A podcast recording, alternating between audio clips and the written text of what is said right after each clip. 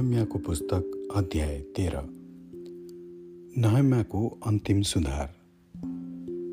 त्यस दिन जनताको सामुन्य मुसाको पुस्तक पढेको बेलामा यस्तो कुरा लेखिएको भेटाइयो कि कुनै पनि अम्मोनी अथवा मुआबी परमेश्वरको सभामा कहिल्यै पस्न पाउने छैन। किनभने उनीहरू रोटी र पानी लिएर इजरायलीहरूसित भेट गर्न आएनन् तर तिनीहरूलाई शराब दिन बालामलाई ज्यालामा बोलाएका थिए। तापनि हाम्रा परमेश्वरले त्यस शराबलाई आशिषमा परिवर्तन गरिदिनु भयो मानिसहरूले त्यो व्यवस्था सुनेर सबै पराई वंशका सन्तानलाई इजरायलबाट अलग गराए। यो हुनुभन्दा पहिले नै पुजारी एलियासिप हाम्रा परमेश्वरका भवनको भण्डारका अधिकारी नियुक्त भएका थिए। तिनको तोबियासँग घनिष्ठ सम्बन्ध थियो। तिनले उनलाई पहिले अन्नबली धुपहरू मन्दिरका भाँडाहरू अनि लेबीहरू गवैयाहरू र द्वारपालहरूका निम्ति तोकिएका अन्नको दसौँ अंश नयाँ दागमध्य र तेल तथा पुजारीहरूका निम्ति दान राख्ने एउटा ठुलो कोठा दिएका थिए। तर यी सबै भइरहेको बेला म चाहिँ एरुसलेममा थिइनँ। किनभने बेबिलोनका राजा अर्थशास्त्रको बत्तीसौँ वर्षमा म राजा कहाँ फर्केको थिएँ। केही समयपछि एरुसलेममा फर्किजानलाई मैले उहाँको अनुमति मागेँ र एरुसलेममा फर्केँ। त्यसपछि तोबियाको निम्ति परमप्रभुको भवनका चोकहरूमा एउटा कोठा दिएर एलियासिबले गरेको खराब कुरो मैले थाहा पाएँ। म साह्रै अप्रसन्न भएँ। मैले त्यस कोठाबाट तोबियाका सबै सामानहरू फालिदिए। ती कोठाहरूलाई शुद्ध गरेर परमप्रभुको भवनका भाँडाहरू अन्नबली र धुपहरू समेत तिनमा फेरि राख्न मैले आदेश दिएँ। लेबीहरूले आफ्ना भागहरू पाएका रहेनछन् भन्ने कुरा पनि मैले थाहा पाएँ। यसैले मन्दिरका सेवाको जिम्मा लिने लेबीहरू र गवैयाहरू सबै आआफ्नो गाउँहरूमा फर्केछन् भन्ने पनि मैले सुने। यसै कारण मैले अधिकारीहरूलाई हप्काएर प्रश्न गरेँ परमेश्वरका भवनको किन अवहेलना भएको छ? अनि मैले ती मानिसहरूलाई बोलाएर फेरि तिनीहरूका स्थानमा नियुक्त गरेँ। त्यसपछि सबै यहुदाले अन्नका आफ्ना दसौँ अंश नयाँ दागमध्य र तेल भण्डारमा ल्याए। मैले पुजारी सेलेम्या शास्त्री साधुक र पदाया नाउँ गरेका एकजना लेवीलाई भण्डारका जिम्मेवार नियुक्त गरे र जकुरका छोरा मतन्याका नाति हाननलाई तिनीहरूका सहायक नियुक्त गरे। किनभने तिनीहरू विश्वासी मानिसहरू गनिएका थिए। तिनीहरूको काम चाहिँ आफ्ना दाजुभाइहरूका भाग वितरण गर्नु थियो। हे परमेश्वर यसको निम्ति मेरो सम्झना राख्नुहोस् र मैले भक्ति साथ मेरा परमेश्वरका भवनको र त्यसको सेवाको निम्ति गरेको काम नमेटाइदिनुहोस्। त्यसबेला यहुदामा मानिसहरूले सवातमा कोल पेलिरहेका र खेतको अन्न जम्मा गरेर दाखमध्य दाख नेभारा र सबै किसिमका भारी गधामा राख्दै गरेका मैले देखेँ।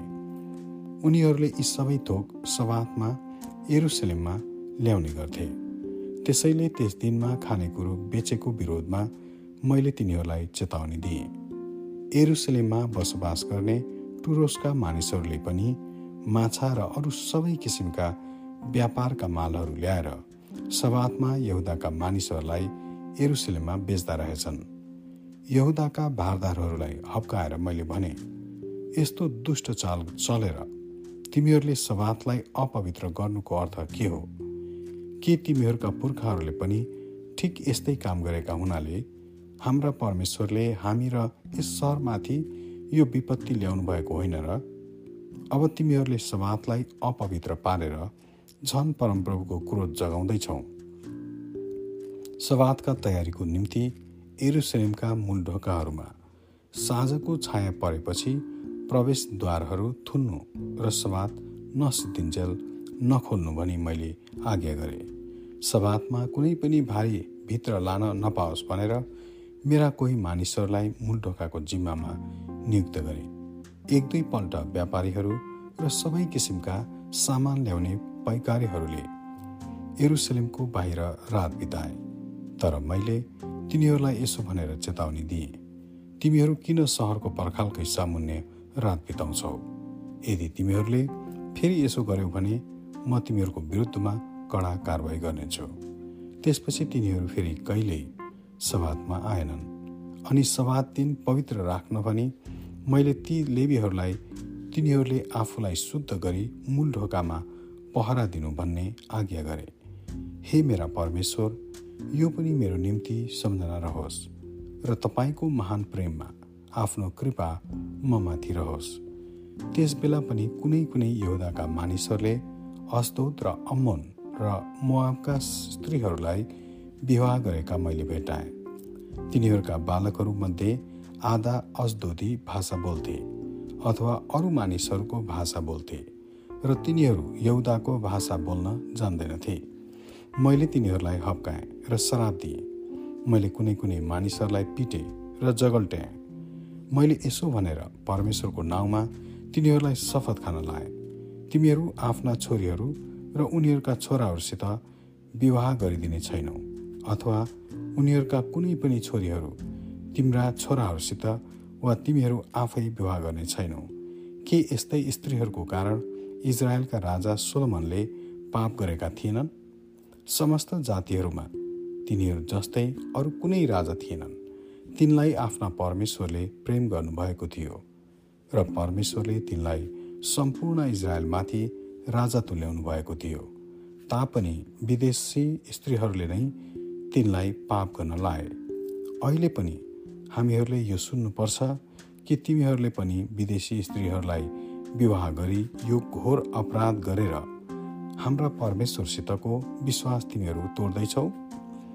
प्रधान पुजारी एलियासिपका छोरा यो यादाको एकजना छोराले होरोनिकी सम्बलतकी एउटी छोरीलाई विवाह गरेको रहेछ। यसै कारण मैले त्यसलाई मेरो सामुबाट निकालिदिएँ।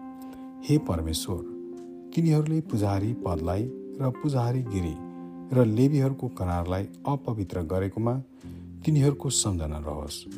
यसरी मैले पुजारीहरू र लेबीहरूलाई हरेक विदेशी कुराबाट शुद्ध गरेँ। तिनीहरूलाई आआफ्नो काममा नियुक्त गरेँ।